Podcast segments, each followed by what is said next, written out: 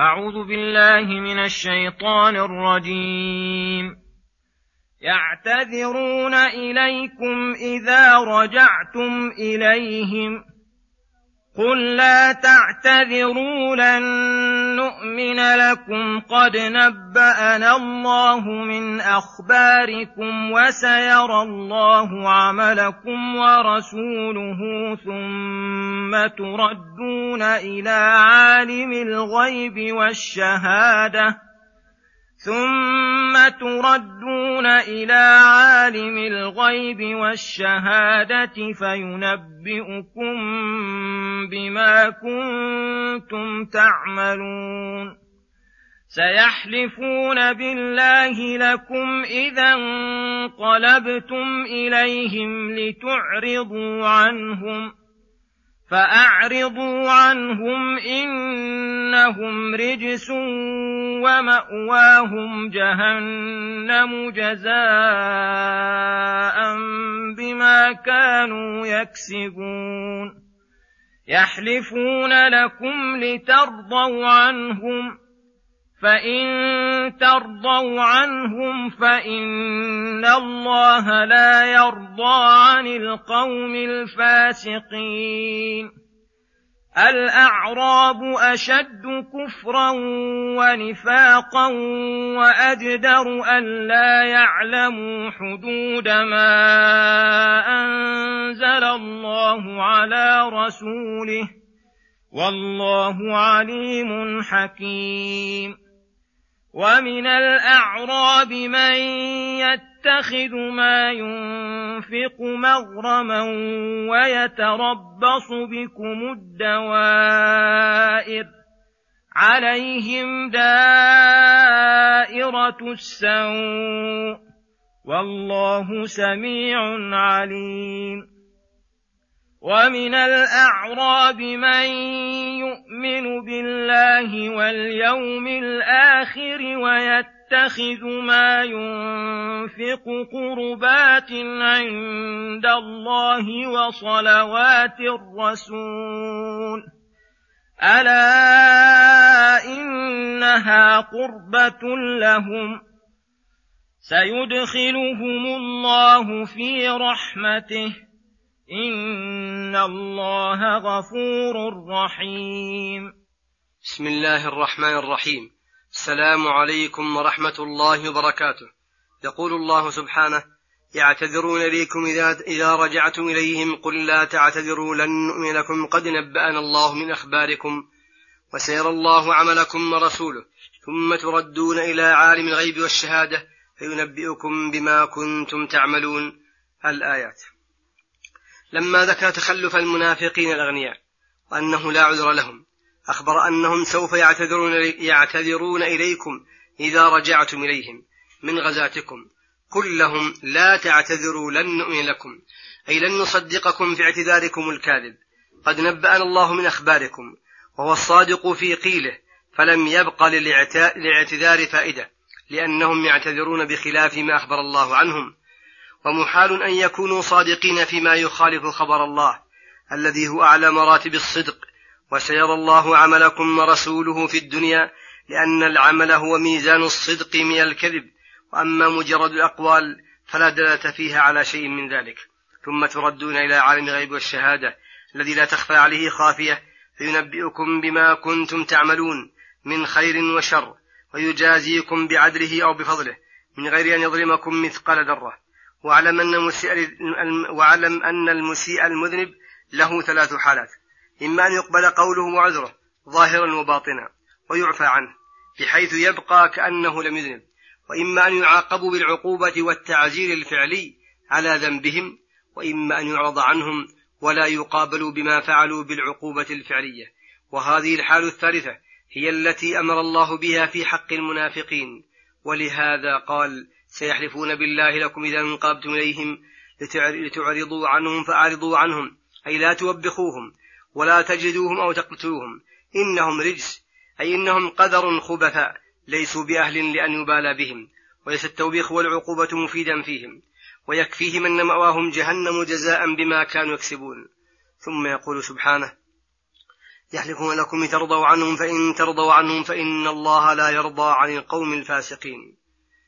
أي ولهم أيضا هذا المقصد الآخر منهم. غي... الآخر منكم غير مجرد إعراض بل يحبون أن ترضوا عنهم كأنهم ما فعلوا شيئا. فإن ترضوا عنهم فإن الله لا يرضى عن القوم الفاسقين. أي فلا ينبغي لكم أيها المؤمنون أي فلا ينبغي لكم أيها المؤمنون أن ترضوا عمن لم يرضى الله عنه. بل عليكم أن توافقوا ربكم في رضاه وغضبه. وتأمل كيف قال فإن الله لا يرضى عن القوم الفاسقين ولم يقل فإن الله لا يرضى عنهم ليدل ذلك على أن باب التوبة مفتوح وأنهم مهما تابوا هم أو غيرهم فإن الله يتوب عليهم ويرضى عنهم وأما ما داموا فاسقين فإن الله لا يرضى عليهم لوجود المانع من رضاه وهو خروجهم عما رضيه الله لهم من الإيمان والطاعة إلى ما يغضبه من الشرك والنفاق والمعاصي وحاصل ما ذكره الله أن المنافقين متخلفين عن الجهاد من غير عذر إذا اعتذروا للمؤمنين وزعموا أن لهم أعذارا بتخلفهم. فإن المنافقين يريدون بذلك أن تعرضوا عنهم وترضوا وتقبلوا عذرهم. فأما قبول العذر منهم والرضا عنهم فلا حبا ولا كرامة لهم. فلا حبا ولا كرامة لهم. وأما إعراض عنهم فيعرض المؤمنون عنهم إعراضهم عن الأمور الردية والرجس. وفي هذه الآيات إثبات الكلام لله تعالى في قوله قد نبأنا الله من أخباركم وإثبات الأفعال الاختيارية لله الواقعة بمشيئته تعالى وقدرته في هذا وفي قوله وسيرى الله عملكم ورسوله أخبر أنه سيراه بعد وقوعه وفيها إثبات الرضا لله عن المحسنين والغضب والسخط على الفاسقين ثم يقول سبحانه الأعراب أشد كفرا ونفاقا وأجدر أن لا يعلموا حدود ما أنزل الله على رسوله.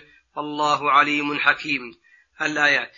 يقول تعالى الأعراب وهم سكان البادية والبراري أشد كفرا ونفاقا من الحاضرة الذين فيهم كفر ونفاق وذلك لأسباب كثيرة منها أنهم بعيدون عن معرفة الشرائع الدينية والأعمال والأحكام فهم أحرى وأجدر أن لا يعلموا حدود ما أنزل الله على رسوله من أصول الإيمان وأحكام الأوامر والنواهي بخلاف الحاضرة فإنهم أقرب لأنهم يعلموا حدود ما أنزل الله على رسوله.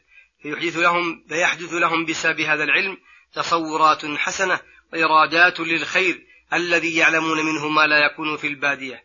وفيهم من لطافة الطبع والانقياد للداعي ما ليس في البادية. ويجالسون أهل الإيمان ويخالطون أكثر من أهل البادية فلذلك كانوا أحرى للخير من أهل البادية. وإن كان في البادية والحاضرة كفار منافقون ففي البادية أشد وأغلظ مما في الحاضرة. ومن ذلك أن الأعراب أحرصوا على الأموال وأشح فيها فمنهم من يتخذ ما ينفق من الزكاة والنفقة في سبيل الله وغير ذلك مغرما أي يراها خسارة ونقصا لا يحتسب فيها ولا يريد بها وجه الله. ولا يكاد يؤديها إلا كرها. ويتربص بكم الدوائر أي من عداوتهم للمؤمنين وبغضهم لهم أنهم يودون وينتظرون فيهم دوائر الدهر. وفجائع الزمان وهذا سينعكس عليهم فتكون عليهم دائرة السوء. وأما المؤمنون فلهم الدائرة الحسنة على أعدائهم ولهم العقبى الحسنة.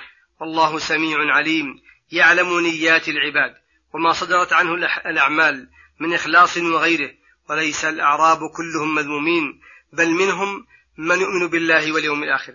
فيسلم بذلك من الكفر والنفاق ويعمل, بمقتضى الإيمان ويتخذ ما ينفق قربات عند الله أي يحتسب نفقته ويقصد بها وجه الله تعالى والقرب منه ويجعلها وسيلة إلى صلوات الرسول أي دعائه لهم وتبريكه عليهم. قال تعالى مبينا لنفع صلوات الرسول ألا إنها قربة لهم. تقربهم إلى الله وتنمي أموالهم وتحل فيها البركة. سيدخل سيدخلهم الله في رحمته.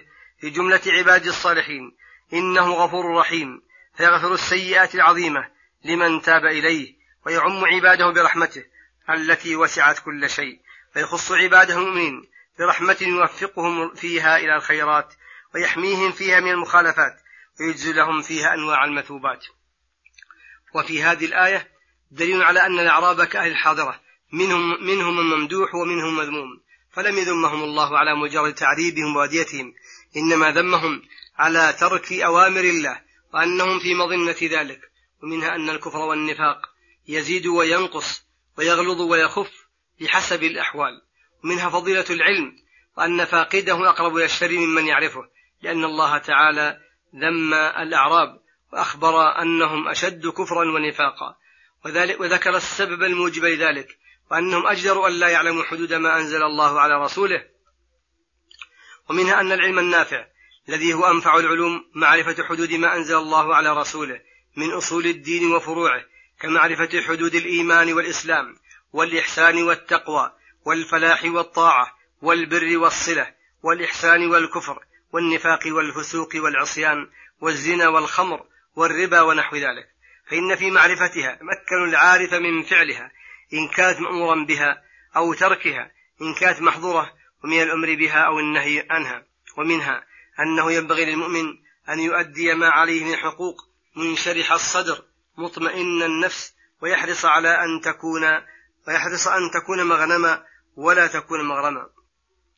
صلى الله وسلم على نبينا محمد وعلى آله وصحبه أجمعين. إلى الحلقة القادمة غدا إن شاء الله.